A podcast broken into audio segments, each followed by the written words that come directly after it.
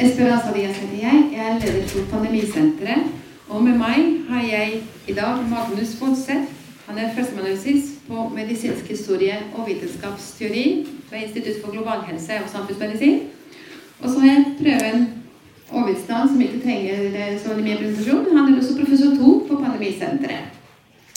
Og vi hadde tenkt å snakke litt sammen og invitere dere til en samtale etterpå om dette her med hvordan slutter egentlig en pandemi. Um, vi husker alle sammen dette her, det var det pandemien, men det er kanskje litt mer komplisert og komplekst enn det der. Og da skal vi først høre litt fra Preben, og så litt fra Magnus om forskjellige ståsteder. Så kan vi snakke litt sammen og tenke litt om dere har spørsmål eller kommentarer. Så kommer jeg til å invitere dere etterpå. Vær så god, Preben.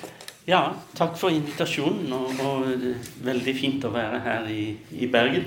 Jeg har med regntøy og paraply og gleder meg alltid over å kunne komme her. Og jeg er spesielt glad for å kunne starte i sommer som professor to ved Pandemisenteret her ved Universitetet i Bergen. Pandemier tenker vi jo da på epidemier, farsotter av smittsomme sykdommer som har, brer seg over hele verden, eller truer med å bre seg over hele verden.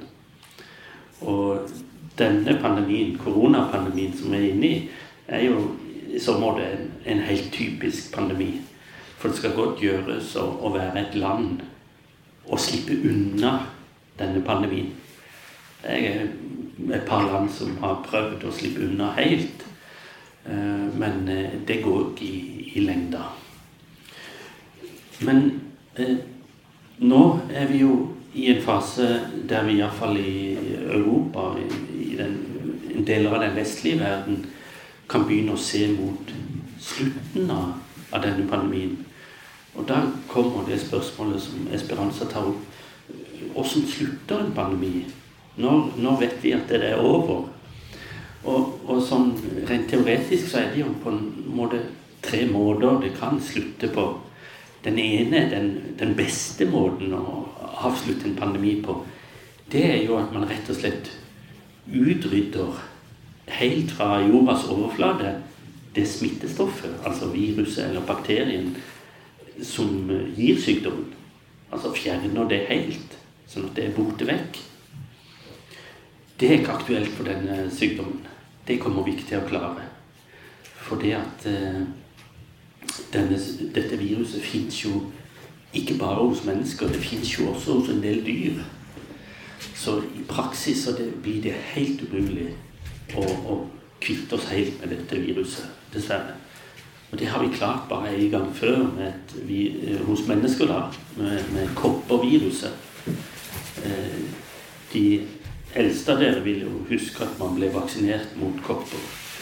Og så til slutt så klarte man å kvitter seg helt med, med det viruset. Eh, men det, den andre eh, muligheten er at eh, man eliminerer viruset fra deler av verden. Altså at enkeltland kan klare å kvitte seg med viruset innenfor sitt land. Det har vi jo noen eksempler på her i landet med f.eks. meslinger og røde hunder er jo, og poliomyelitt, det er jo sykdommer som vi eh, så å si aldri har tilfeller av her i landet. Så de har vi på en måte eliminert. De kan jo komme tilbake, det kan oppstå enkelttilfeller. Men for alle praktiske formål så forekommer ikke de sykdommene her i landet. Eh, og det er kanskje, kanskje på sikt en, en mulighet med korona. men ikke så veldig realistisk, tror jeg. Så da står vi igjen med det tredje alternativet, som er at sykdommen blir endemisk, som vi sier. Den er ikke lenger epidemisk, men endemisk, som, som vi kan si at den, den er til stede hele tida, men på et høyt eller middels eller lavt nivå som, som på en måte vi bestemmer gjennom de tiltakene vi har. Og, og, det er absolutt realistisk. Vi er jo sannsynligvis nå på vei inn i en, en, eh, en tid der koronaviruset blir endemisk i Norge. Eh, at vi har eh, viruset her hele tida. Det sirkulerer noe. Men det gir ikke så store plager. Det er ikke så mange som blir smitta. Fordi at vi har så utbredt immunitet fordi de fleste er vaksinert. Så det er nok der vi må regne med å leve i årene fremover. At viruset er her hele tida, men sykdomsbyrden er så lav. Det blir ikke så mange som blir så syke at de må på sykehus. Det blir nok en del som blir smitta, men de blir lite syke, for de har en viss immunitet fra før. Så jeg tror det er det mest eh, aktuelle perspektiv. Og da blir det litt sånn definisjonsspørsmål når er pandemien over? Altså I Norge så så sa jo jeg i sommer, eh, i juni, at det var den pandemien. Og det jeg mente med det, var jo bare å få oppmerksomheten om at eh, nå, nå begynner vi å nærme oss Eller altså, nå er vi allerede i en situasjon der den store trusselen ikke er der lenger. For da var jo de aller fleste eldre vaksinert, f.eks. Sånn at da, da var den der katastrofeperspektivet var der ikke lenger. Men selvfølgelig mente jeg jo at viruset var vekke fra hele verden. Men katastrofeperspektivet, den store trusselen, var over. Og nå får vi se hvilket nivå vi vil akseptere fremover fra denne sykdommen. Fra influensa så aksepterer vi jo hver vinter kanskje 5000 sykehusinnleggelser. Eh, og det er omtrent det vi har hatt av koronapandemien fram til nå. Så vi får se hvilket nivå vi aksepterer å ligge på etter hvert. Vi ønsker jo ikke unødvendig mye sykdom. Men så er det jo en balanse med mye tiltak vi skal ha gående også. Vi ønsker jo ikke forbud mot uh, trikker og fly og altså, ja, gå på jobb og sport og sånt noe heller. Selv om jeg skjønner at det, det er ikke så veldig moro å gå på Brann stadion nå for tida heller, da. Men da, tusen takk for introduksjonen. Vi kommer tilbake til mange av de tingene. Men Magnus, hvordan ser du på dette fra et historisk perspektiv? Jeg ser jo at vi har vært i en veldig spesiell situasjon nå med å prøve ting vi ikke har forsøkt før. Ved å stenge ned et helt land. Det har vi jo ikke forsøkt tidligere. Det vanlige i gåsehudene med pandemier er dessverre at de brenner seg ut. Uh, Svartedauden er liksom det klassiske, store eksempelet på en pest som kommer. 1349, et skip til Bjørgvin osv. Men det, det, var jo bare begynnelsen. Den pesten kom tilbake. Den traff ca. hvert tiår Europa i en 350-årsperiode. Hit til Bergen så nådde den 13 ganger. Uh, Norge, uh, med Østlandet, teller vi med Oslo, så nådde den Norge 16 ganger. Så, så, da er det igjen det at, eh, at, den immuniteten som har vokst seg opp blant de som har overlevd eh, Det kommer nye folk til, og så er den eh, befolkningsimmuniteten borte. Og så er man igjen sårbare for en, en pandemi. Så, så, det, historisk sett så tar dessverre pandemier ikke, ikke automatisk slutt. Og vi kan ikke erklære de som slutt. Men ulike pandemier er veldig ulike. Og Det har å gjøre med at vi står overfor veldig ulike sykdommer. En sykdom som koleraen, som, som, begynte å nå Europa på 1820-1830-tallet, og som nådde Bergen på, på, utover på, på de ti årene, den er veldig dramatisk. Altså, du kan være helt frisk om morgenen, og så spiser du, får smittestoffet i deg til, til lunsj, og så kan du begynne å dehydrere innen solnedgang. Og en sånn type pandemi den brenner seg ut i løpet av bare noen måneder gjennom en hel befolkning. Mens eh, hvis jeg ser på en sykdom som eh, lepra eller tuberkulose, som er veldig mye mer kroniske, hvor sykdomsforløpet tar lang, lang tid, så tar det veldig mange år før en slags bølge er slutt. For tuberkulose, som var den store folkedreperen i Norge, så snakker vi om at mellom 18 slutten av 1890-tallet og 1950-tallet. Bortimot en kvart million dødsfall i landet. Det er jo relativt mye større enn spanskesyken. Spanskesyken er eh, mye mer til felles med, med covid-19 i at den brenner seg raskt ut. Man, man blir fort syke. Man blir fort, uh, fort merker man om det går bra eller ikke bra.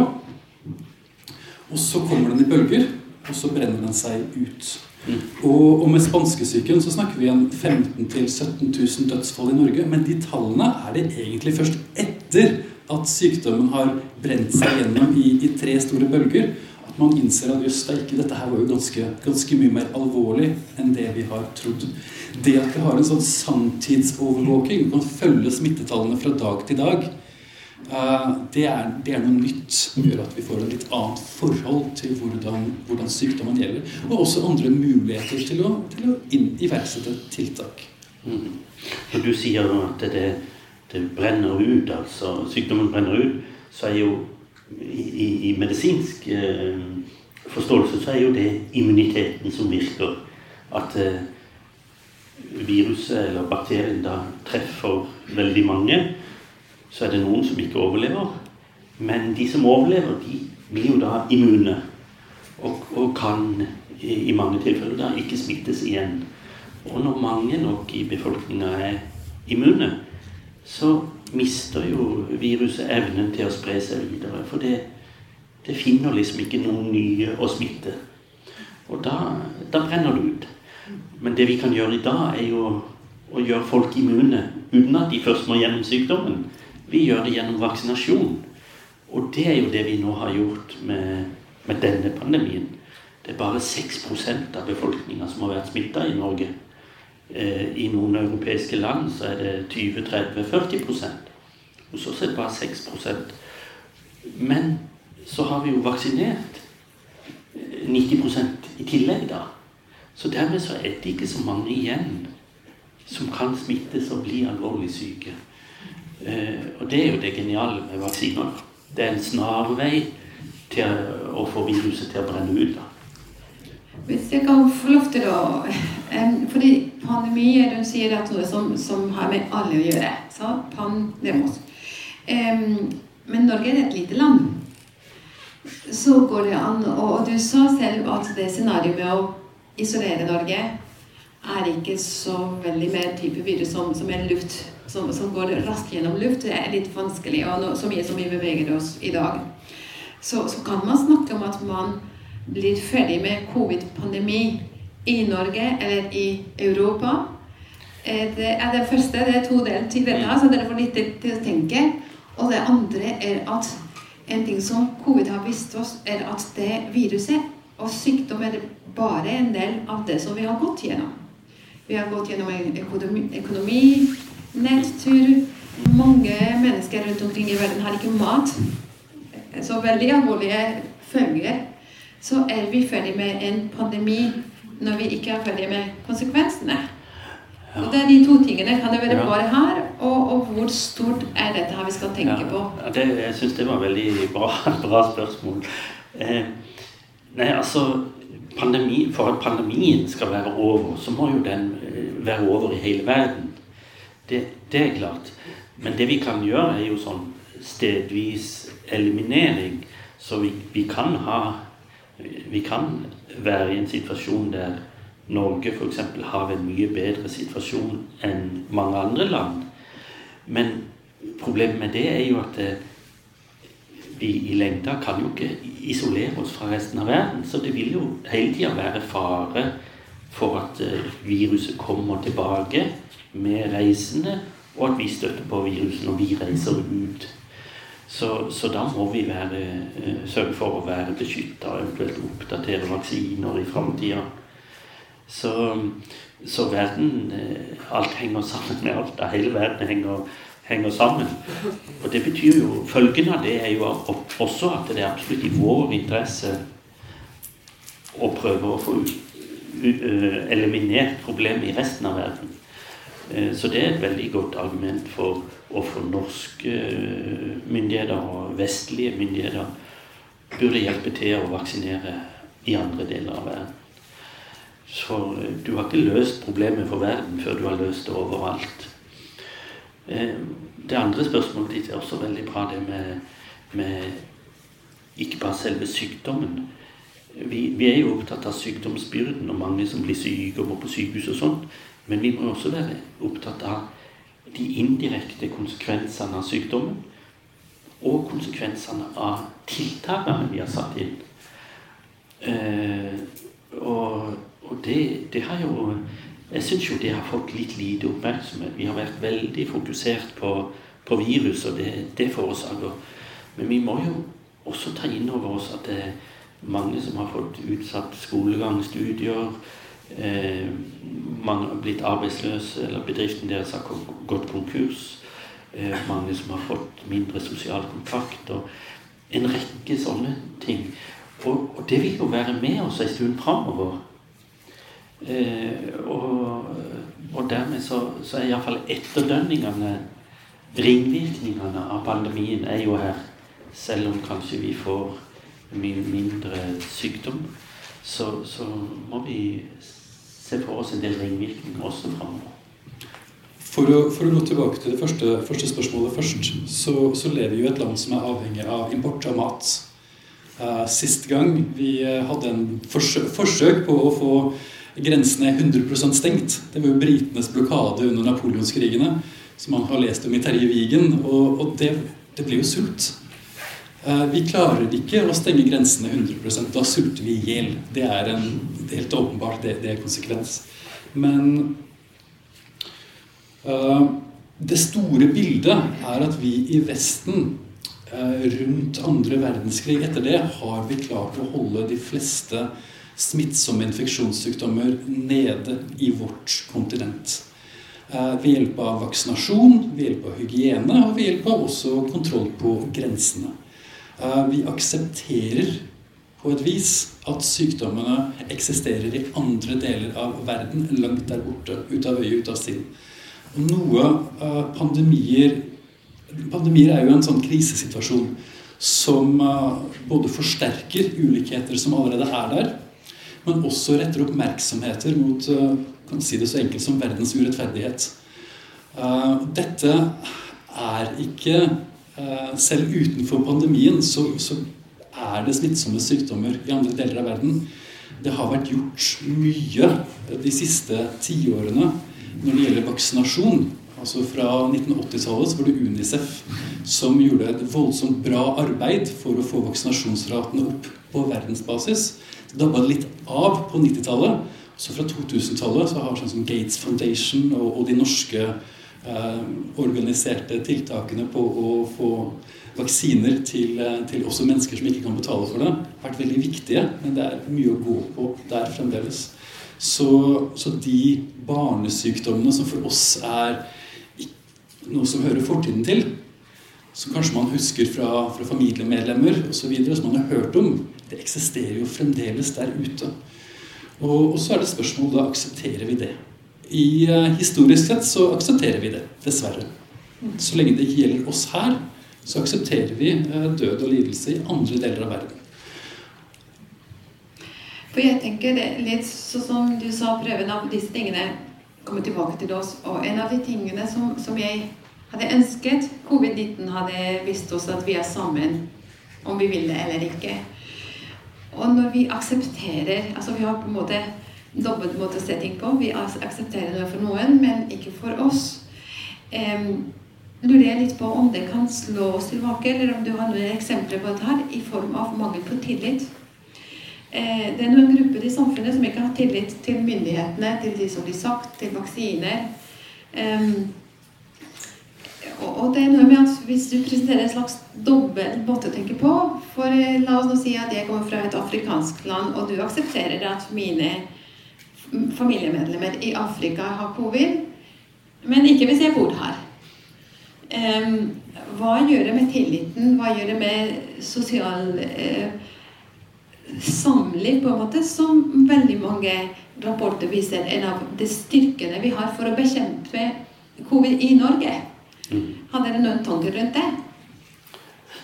Ja, eh, det, det mest nærliggende er jo når vi tenker på vaksinasjon, som er på en måte veien ut av denne pandemien, så, så, så syns jeg nok at norske uh, myndigheter og norske regjering har, har vært litt for dårlige til å uh, markedsføre at de faktisk gjør en del for å sikre vaksiner til andre deler av verden.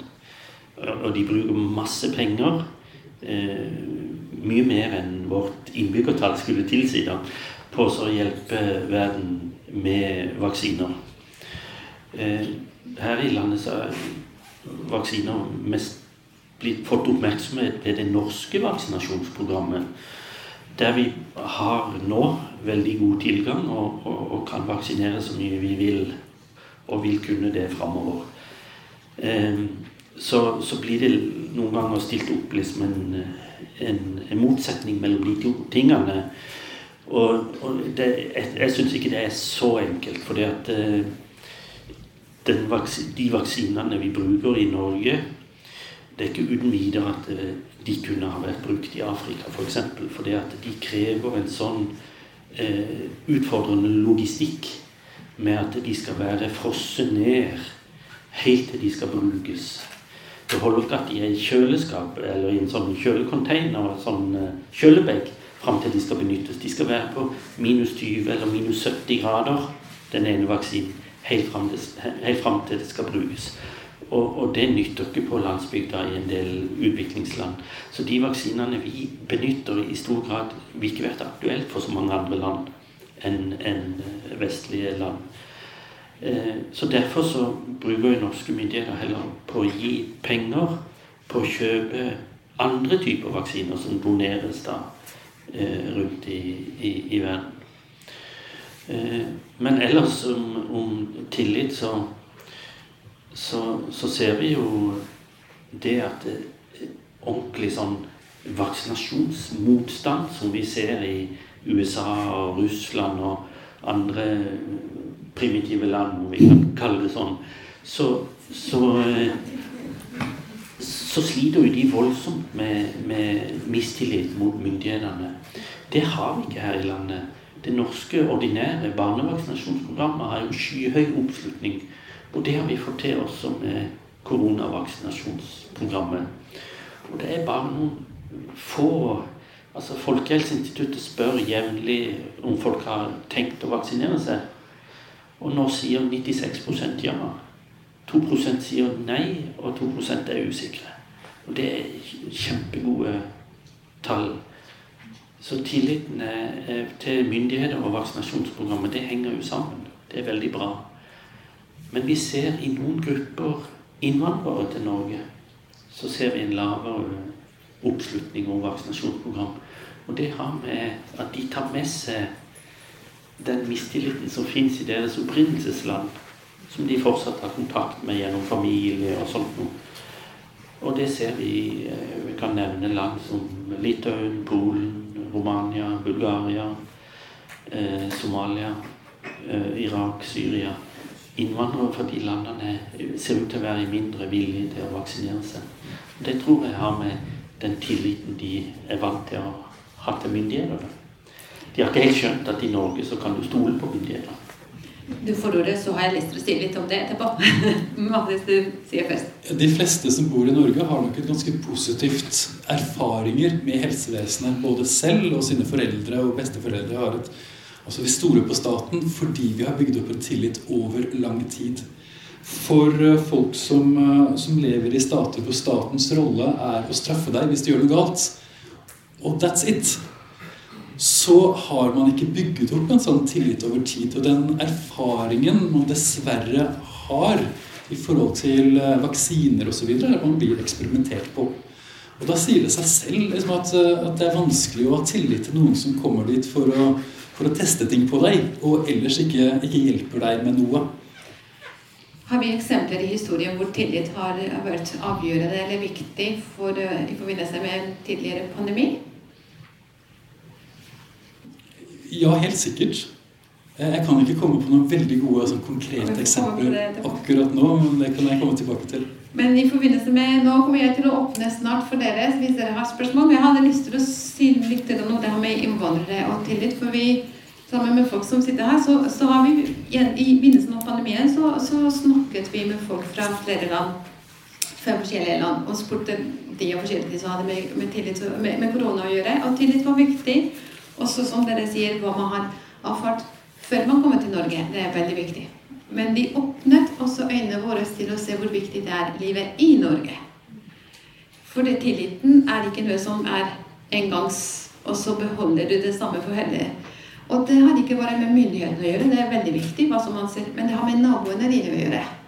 Og hvordan du opplever samfunnet rundt deg. For du kan ha veldig dårlige erfaringer. Men hvis du har gjennom Det var en, en dame som fortalte hun hadde to barn, og gjennom korona, spesielt i begynnelsen, hadde hun fått veldig mye støtte fra lærerne. Hun var alenemor med to barn fra utlandet. Og de hadde tatt vare på henne så godt at hun da hadde, det, tilliten hadde smittet til helsemyndighetene. Så det er noe med at, at, det er sant at man kommer med den bagasjen man kommer, men vi skal ikke gi fra oss det ansvaret ved å bygge tillit når man først det har. For hvis du på toppen av det hele mm, opplever at du ikke blir ivaretatt eller tatt vare på på en fin måte, eller du ikke forstår hva som blir sagt, da bygger du på de Men den tillit eller mistillit går an å jobbe litt videre med, sånn at vi ikke tenker på det som faste eh, Ja. ja og jeg tror, jeg tror eh, en veldig viktig eh, tjeneste her i Norge på det, det er helsestasjonen. At, eh, at alle barn som blir født her i Norge, også av innvandrerforeldre, da, de blir introdusert for helsestasjon. Eh, gratis, vennlig, kan ta opp hva som helst, god tid og, og sånn. Eh, og da eh, blir de godt kjent der og får et godt forhold. Og så kommer vaksinasjonstilbudet etter hvert til barnet. Og da er liksom det en naturlig del som, som, som, som bare er der. Og det tror jeg det tror jeg er noe av suksessfaktoren for hvorfor vi har veldig høy vaksinasjonsoppslutning til barna eh, på, på, alle de vaksinene vi, vi, tilbyr. Uansett hvor foreldrene kommer fra. Er det noen i publikum som har spørsmål eller kommentarer? Jeg har masse jeg kan snakke om, men jeg lurte litt på er det noen som har kommentarer, spørsmål? Vær så god. Historiedirektøren her forteller jo at situasjonen er veldig annerledes nå enn tidligere. Det syns jeg er interessant. Utdype mer hva som, hvilke muligheter ligger i den moderne teknologi og både informasjon og vaksine i forhold til de, hva som har skjedd historisk. Og hvordan man forestiller seg fremover disse virusene som kommer til å utvikle seg. Hvordan vi kan være litt i forkant, og hvordan vi skal overleve. Takk.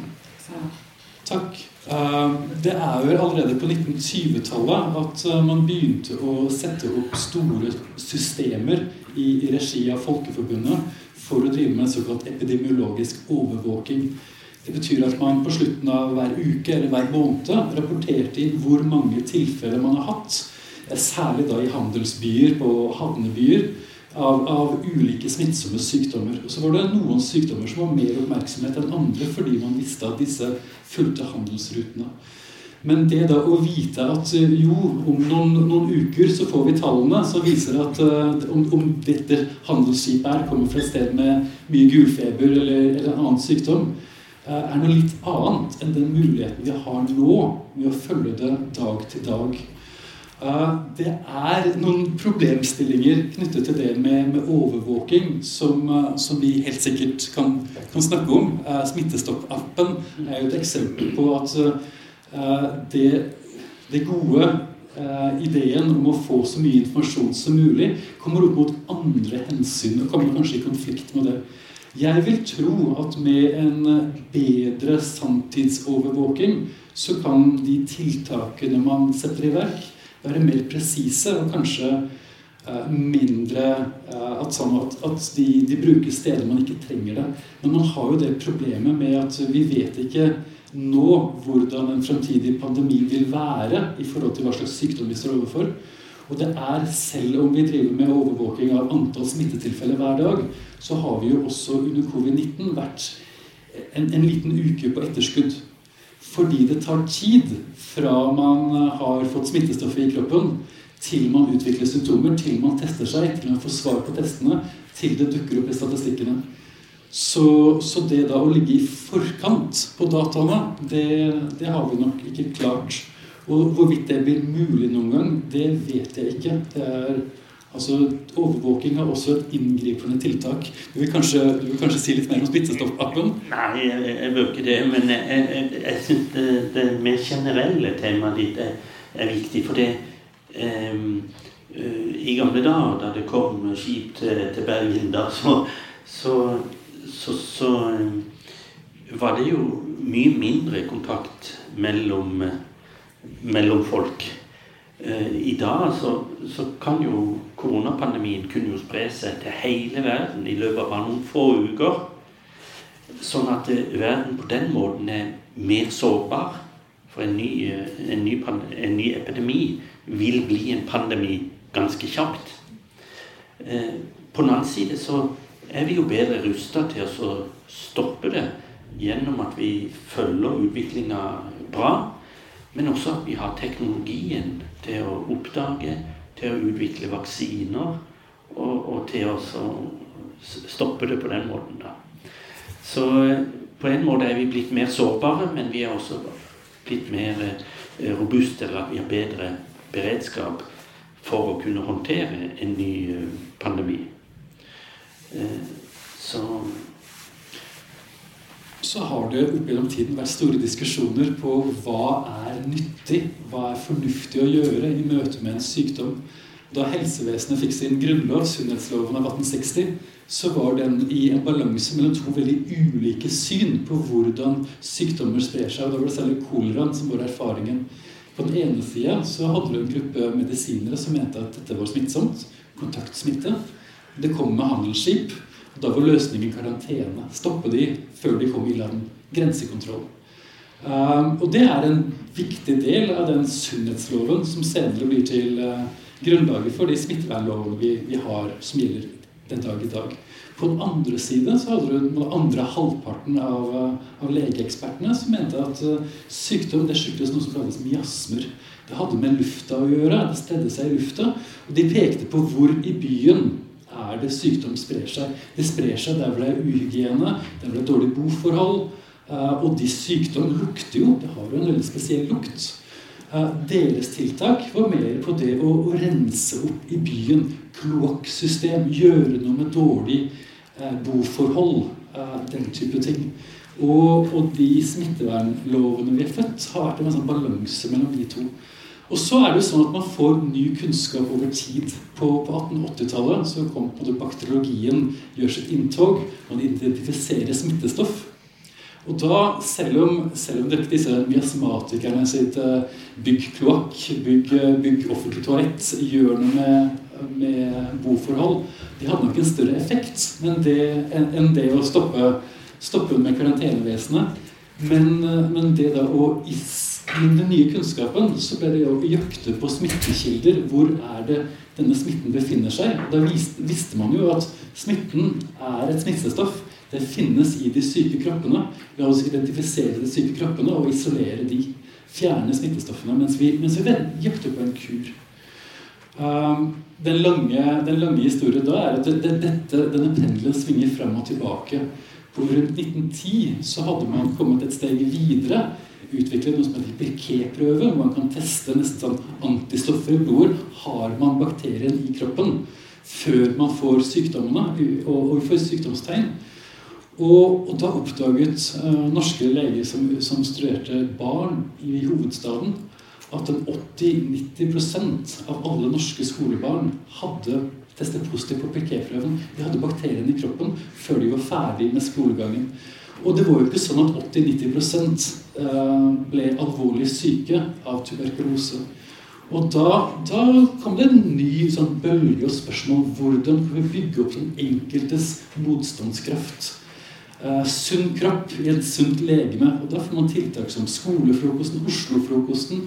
Uh, tiltak for å gjøre noe med de dårligste boforholdene. Oppmerksomheten knyttet der.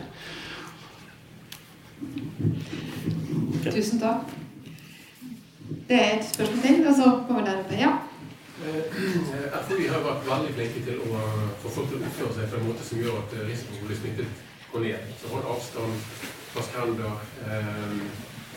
Eh, har, vi gått om munnbind kanskje eh, også? Eh, nå er vi jo på en måte ferdig med, den fasen der dette er veldig viktig. Men veldig mange eh, holder på de eh, rutinene fortsatt.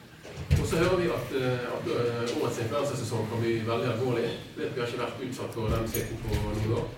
Stebarnssykdommer Spedbarnssykdommer er en redd for for mange innleggelser pga. Burde FHI nå gå ut og så, så si til folk at de skal ikke bruke munnbind? Jeg har sett folk bruke munnbind senest i dag. Eh, Det er lov å ta hverandre i hendene igjen. Eh, Altså rett og slett bygge, bygge ned litt av disse her eh, gode, gode vanene i, i, i, i koronatiden. da, eh, For at vi skal få tilbake litt av den der eh, naturlige immuniteten som det er å ha hatt en infeksjonssykdom som ikke er alvorlig. Nå skal ikke jeg tale for hva myndighetene har gjort og, bør gjøre, men, men det der eh, eh, det, er jo, det er jo riktig som du sier, at, eh, at man, man frykter jo en, eh, en litt verre influensaepidemi denne vinteren. Fordi vi ikke hadde noen ting i fjor. Og en normal influensavinter så, så blir jo 10% av voksne smitta og 20% av barn. Og det gjør jo at en del eh, blir immune da foran neste sesong. Så, så har vi hoppa over et år nå, sånn at det er litt færre som er immune. Og dermed så er det litt flere som kan få influensa eh, denne vinteren. Og, og tilsvarende gjelder for noen andre sånne luftveisinfeksjoner. Så det kan godt være at eh, hvis vi hadde fortsatt å praktisere en del av de tiltakene vi hadde, så kunne vi ja, Egentlig så kan vi, hvis vi vil, så kan vi unngå influensaepidemien denne vinteren. Vi vet hvordan vi skal gjøre det. Eh, Det er bare å innføre disse koronatiltakene igjen. Jeg ser mange rister på hodet og sier nei. ja, og det er nettopp det som er eh, balansen der. Og hvor langt skal vi gå for å unngå en sykdom, en epidemi hver vinter, som, som fører til en del sykehusinnleggelser, men som er noe vi har på en måte akseptert i tiår etter tiår. At hver vinter så er det en influensaepidemi. Noen dør, noen blir lagt inn på sykehus. Eh, Noen ligger hjemme og har det vondt. Men det er noe vi har akseptert.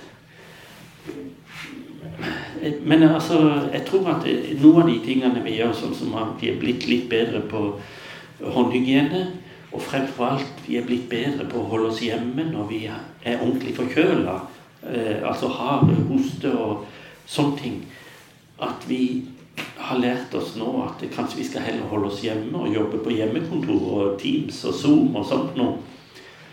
Eh, Istedenfor å liksom være heltemodige og så gå på jobb og sitte og smitte kolleger. Det tror jeg det er mindre aksept for nå. At folk stiller opp på jobb og er skikkelig forkjøla. Og det tror jeg kan ha en ganske god effekt. Hvis folk, folk blir flinkere til å holde seg hjemme når de er ordentlig forkjøla. Og Derfor så tror jeg faktisk at det, den debatten om karensdager, altså at du at ikke du får sykepenger på første sykedag, den debatten bør være over. Tvert imot så bør vi kanskje styrke eh, muligheten til egenmelding og, og hjemme med sykt barn og, og de tingene. Sånn at folk faktisk kan holde seg hjemme når de er skikkelig forkjøla. Eh, det tror jeg vil ha en god effekt. Og, og håndhygiene, det må vi bevare. Og det å ikke gå og hoste på andre. Men, men at vi hele tida skal gå rundt med munnbind hver vinter og, og stenge ned ting, det, det tror jeg ikke det er aksept for i befolkninga. Samtidig kan det være folk som ikke har immunsystem på plass. Altså det er enkelte mennesker som må vurdere selv, så det må forbi å gå med munnbind. Nei, nei. Har å si det. Vi har et spørsmål til, og så etterpå kommer jeg til å be dere begge to ta en litt sånn oppsummering em, av eh, samtalen. Hvis man skal ha et par eh, Nå tar vi en podkast på dette her. Hva skal folk få med seg? Slutter vi med pandemien, slutter vi ikke, og hvordan og hva skal skje? Men det var et spørsmål før det. da. Ja? Eh, nei, det var angående ulike strategier som ulike land har valgt. Eh, og nå skal jeg si, Dette har jeg lest i et magasin, så jeg vet om det er sant, men eh, det var visstnok i Kina og bygger store bygninger til bruk eh, sånn at innreisende skal plasseres i karantene. Og det er løsningen mer enn å, å satse på vaksinering. Men eh, Så jeg lurer på hvordan kan, kommer det til å gå i lengden? Og på, altså, eh, hva, Ja, altså den, den, den debatten har jo vært der siden starten av koronapandemien. Skal vi isolere oss fra omverdenen? Bør stoppe innreise? Og jeg tror i, i, i praksis det hadde ikke vært eh, Jeg tror ikke det hadde vært mulig. Fordi at i Europa så er det en såpass integrert eh, økonomi. Og tenk på alle de næringene her i landet som er avhengig av utenlandsk arbeidskraft hele tida. Det er jo helsevesenet med svenske sykepleiere og leger. Kjempeavhengig av det. Eh, Vi har eh, fiskeriene som er avhengig av ukrainere og polakker som kommer opp til vinterfiske og, og, og, ordner med fisken. Vi har eh, landbruket som er avhengig av vietnamesere og andre som kommer her og plukker jordbær. Vi har verftsindustrien som er avhengig av polakker og rumenere som kommer og bygger skip. jeg tror nok de fleste I Norge er vi ganske enige om det, men spørsmålet er om Kina kan klare å få om de, Eller om det internasjonale samfunnet kommer til å kreve, rett og slett. Eller om de kan kreve, eller om kineserne går med på Ja. Ja, jeg tror kineserne kommer til å gjøre det de eh, har lyst til å gjøre uansett.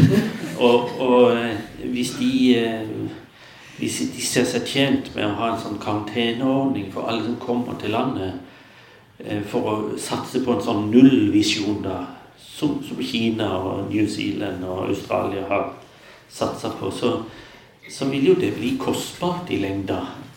Og så blir det vanskelig altså, Men Kina er jo så stort og har så mye produserer så mye sjøl, da.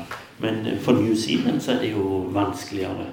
For de må importere alt de trenger. De har nettopp snudd politikken. Ja, ja, de har har holdt på med null visjon inntil nylig, hvor de innså at det ikke gikk. Det gikk ikke, pluss at nå har de fått vaksinert store deler av befolkninga, så nå er det ikke så farlig å ordne opp. Men de har jo den fordelen at de er i øy. Vi er, har jo ei kjempelang grense, og, og når vi snakker historie, så var det jo for eh, På 40-tallet så var det jo noen år der vi hadde 300 000 soldater som prøvde å vokte den grensa. Men selv da så var det trafikk frem og tilbake over grensa. Så, så det er ikke mulig. Hvis jeg får lov til å si noe selv før dere kommer med ordet til slutt, så tenker jeg en, en viktig del av dette har med å stenge grenser er hvem som får kilden for å være smittebæreren. For hvis du satser på å lukke igjen, så er det den enkelte som må inn, som er Det du som tok med deg sykdom. Sånn, I motsetning til andre strategier, for du ikke lager det enkeltmennesket til den kilde som tar med seg det. der. Så det tror jeg kan ha blitt glemt av og til. At det her er det som bivirkning som kan komme med veldig mange andre sosiale eh, kostnader i, i ettertid. Men nå lovet jeg Jeg å tror, jeg tror du har helt rett. Erfaringene med karantene er at det, det er dyrt.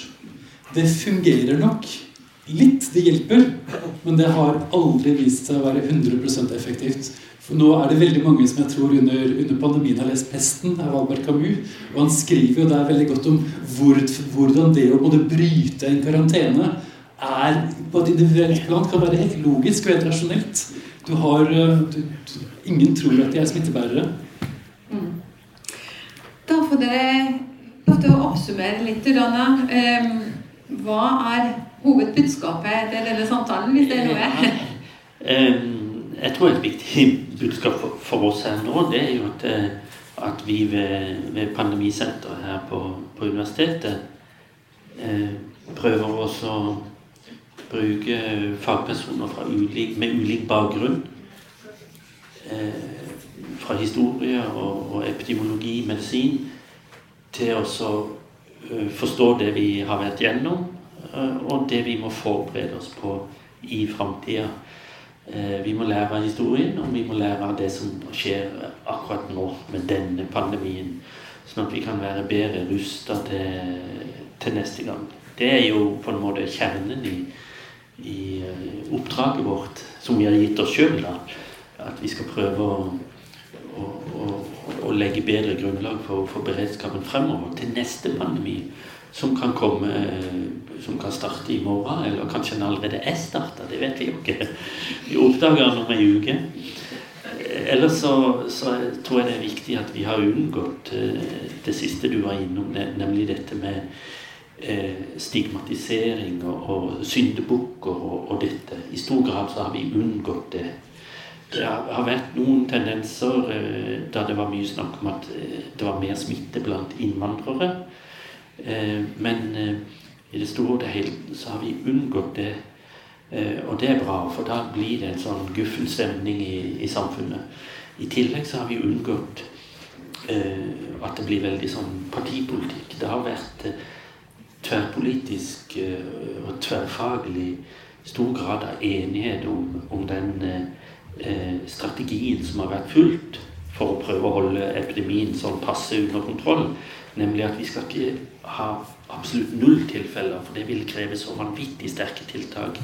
Men vi skal ikke slippe det helt løs heller, sånn at det farer gjennom befolkninga uten kontroll. Men vi prøver å holde det sånn noenlunde under kontroll, sånn at ikke for mange blir syke, og ikke for mange på sykehus. Og så, og så venter vi på vaksiner, og når den kommer, så, så vaksinerer vi flest mulig. Og der har jo befolkninga slutta opp om dette. Tusen takk, Magnus. De siste minutter. Ja, jeg tenker det er, det er mye å lære. Uh, epidemier eller pandemier er jo voldsomt urettferdige.